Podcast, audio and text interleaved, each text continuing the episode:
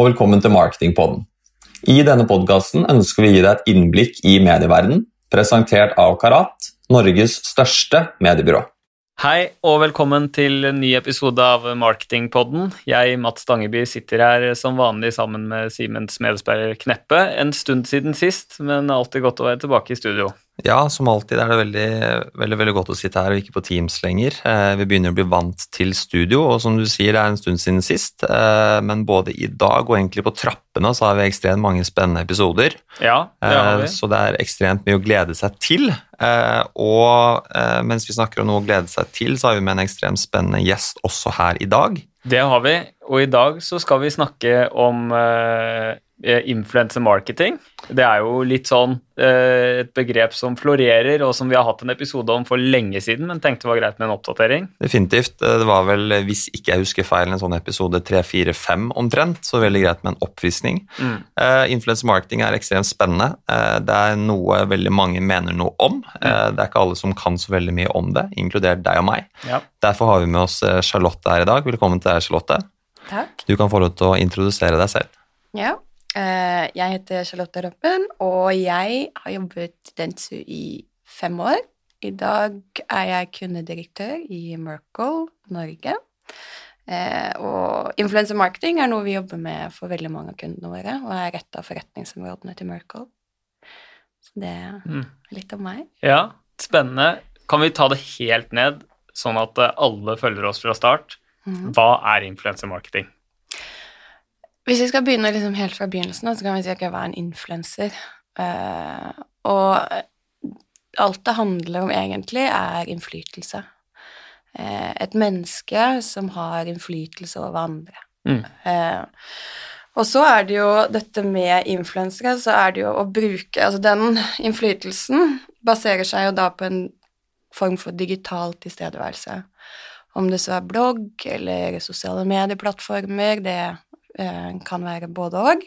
Eh, men at man da har denne tilstedeværelsen, eh, og så formidler man personlig historiefortelling av noe slag til et spisset publikum.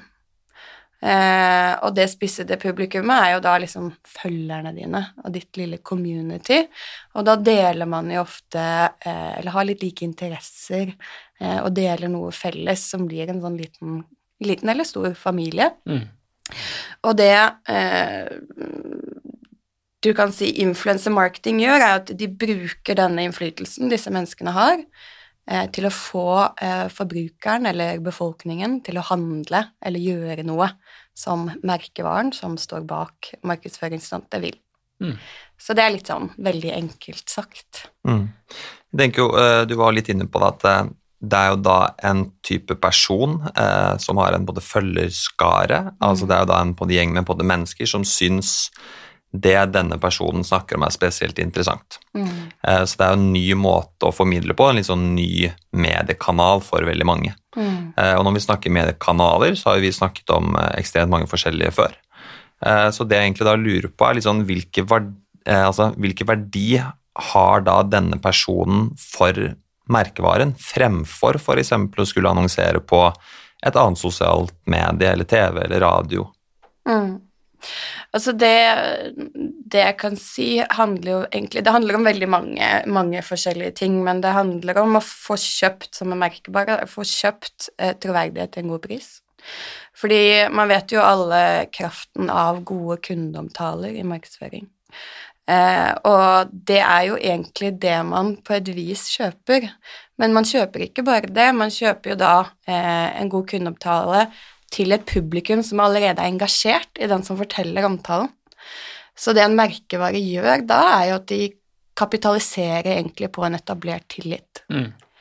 Eh, og det er det egentlig ikke veldig mange andre marketingkanaler som klarer å skape.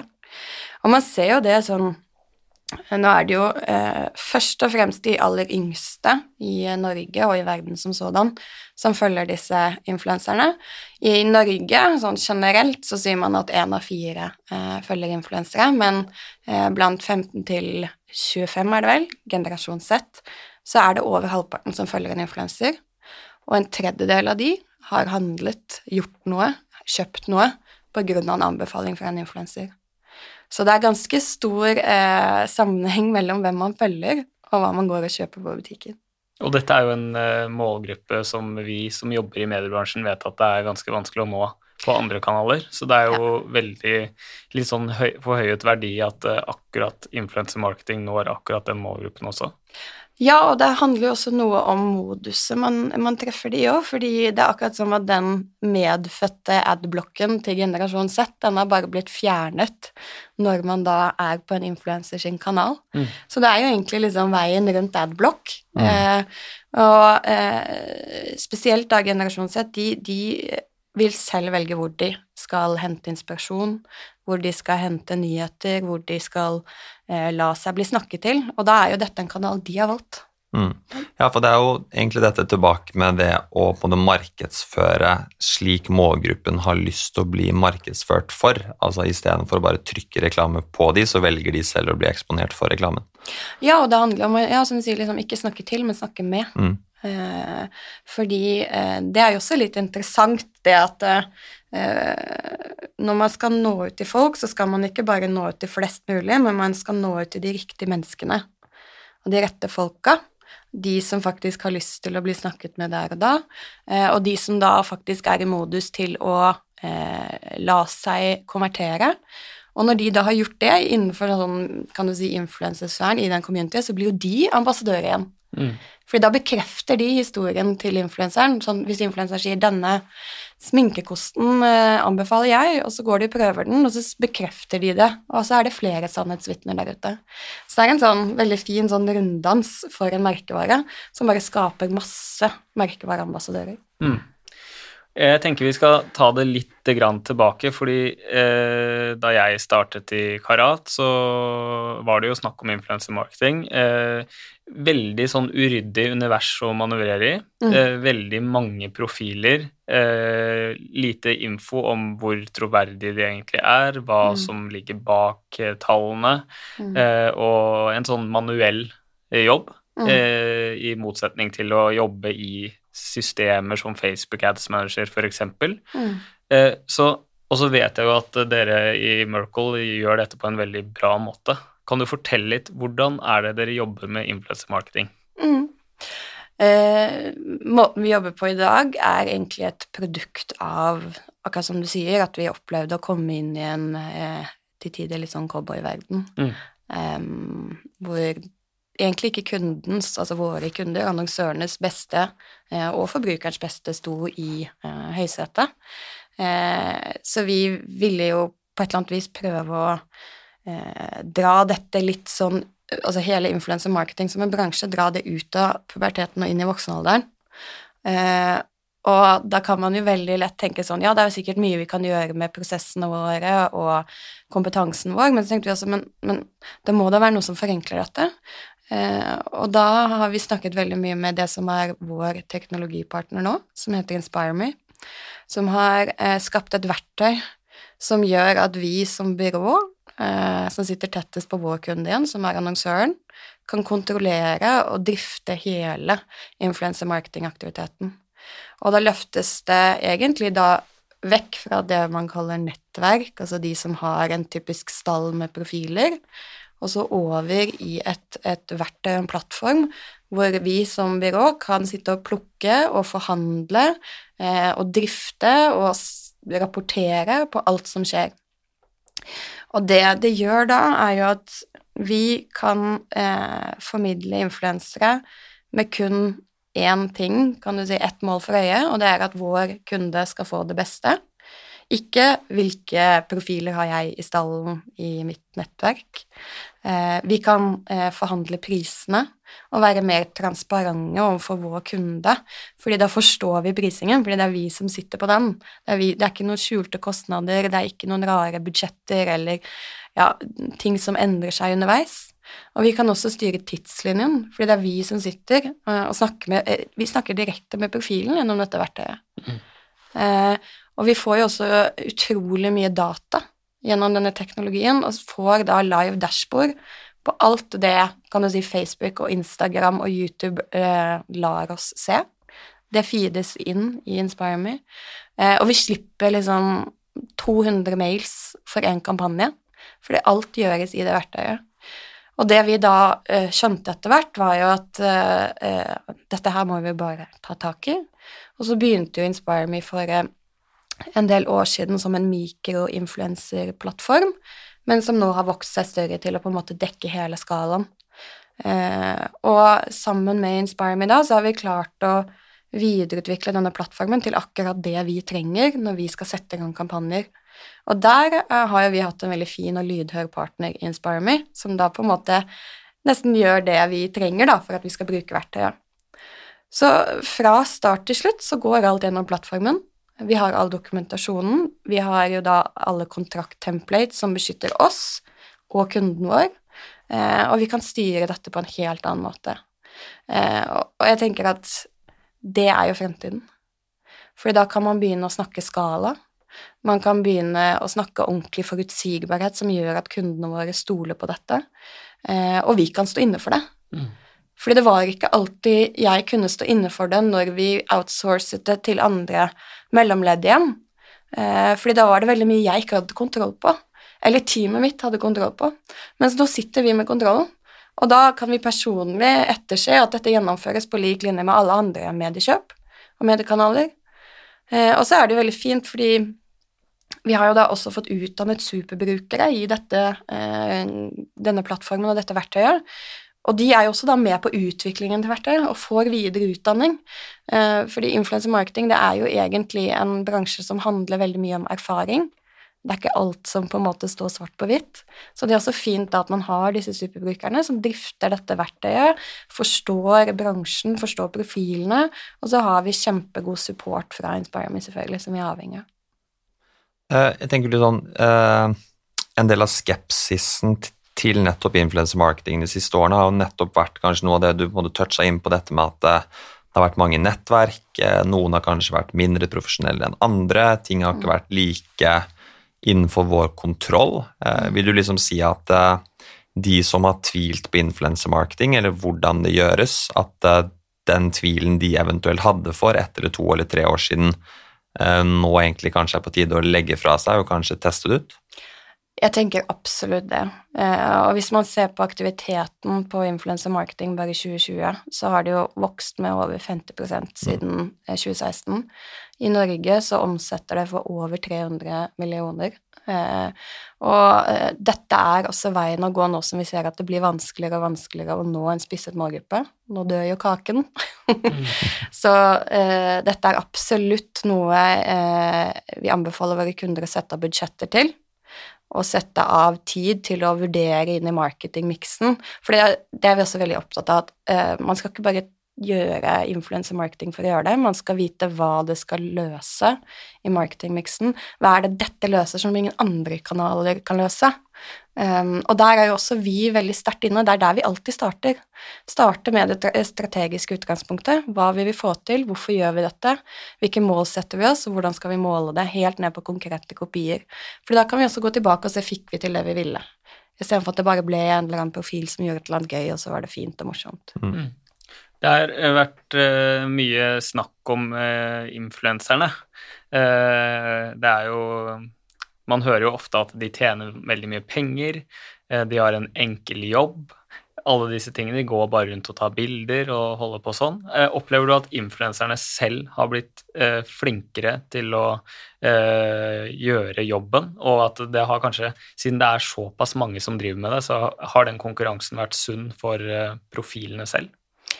Jeg tenker absolutt det, og der har det jo vært en liten sånn nesten sånn oppdragelse i bransjen. Eh, at man må eh, finne noen strukturer og rammeverk som drifter dette.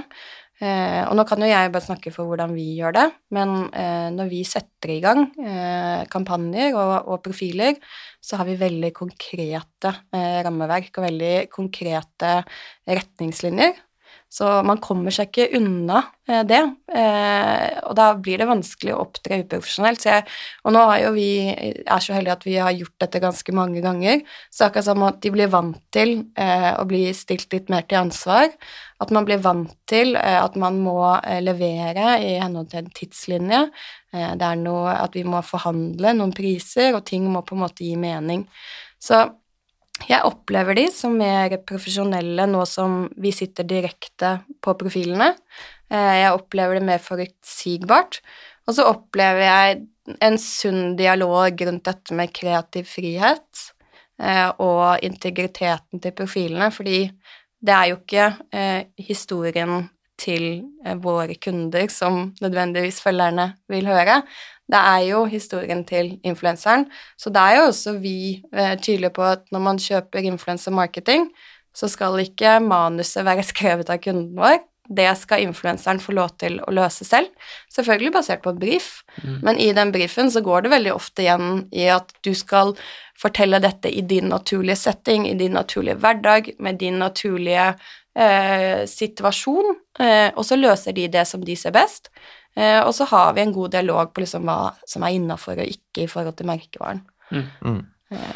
Eh. Og med det i bakhodet eh, så vil jeg jo tro at det er jo et av de beste tipsene å både ta med seg videre eh, når du mest sannsynligvis kommer til å svare på mitt neste spørsmål, eh, mm. som det er hva er viktig å huske på når man skal starte å jobbe med influensemarketing? Altså hvis du kunne trukket fram de tre viktigste punktene for å starte med det, og for mm. å implementere det. Mm. Det aller viktigste å starte med er litt som jeg sa, hva, hva, hvorfor gjør vi dette? Mm. Strategisk, hvor passer dette inn? Eh, hva skal vi løse med dette? Hva løser denne kanalen bedre enn andre kanaler? Å sette den, den, strukturen og de målene eh, koblet opp mot noen kopier. Fordi det er veldig forskjell på en influencer marketing-kampanje som skal utføre noe taktisk lenger ned i trakten, da må vi f.eks. kanskje slenge på en, en, kode eller noe tracking som, til en spesifikk URL, fordi selv om en influenser eh, sier at 'kjøp dette nå', så er det ikke sikkert personen gjør det akkurat når den gjør, ber om det, med mindre det er en urgency. Eh, og da må man legge til rette for det, og så må man måle på det. Og hvis man ikke legger til rette for det, så er det urettferdig å måle på taktisk konvertering. Men hvis du f.eks. er i toppen av drakta og kjører kjennskap, og vi skal på en måte engasjere eller skape noe aktiverende emosjoner, og vi skal nå ut til flest mulig, så kan vi heller sette opp den type kampanje med litt softere kopier, og da skal vi ikke nødvendigvis selge masse, men vi skal skape merkevarekjennskap, vi skal utdanne. Eh, så jeg tenker at å gjøre seg opp noen refleksjoner rundt det og sette de rette kopiene basert på det, er liksom start én. Mm.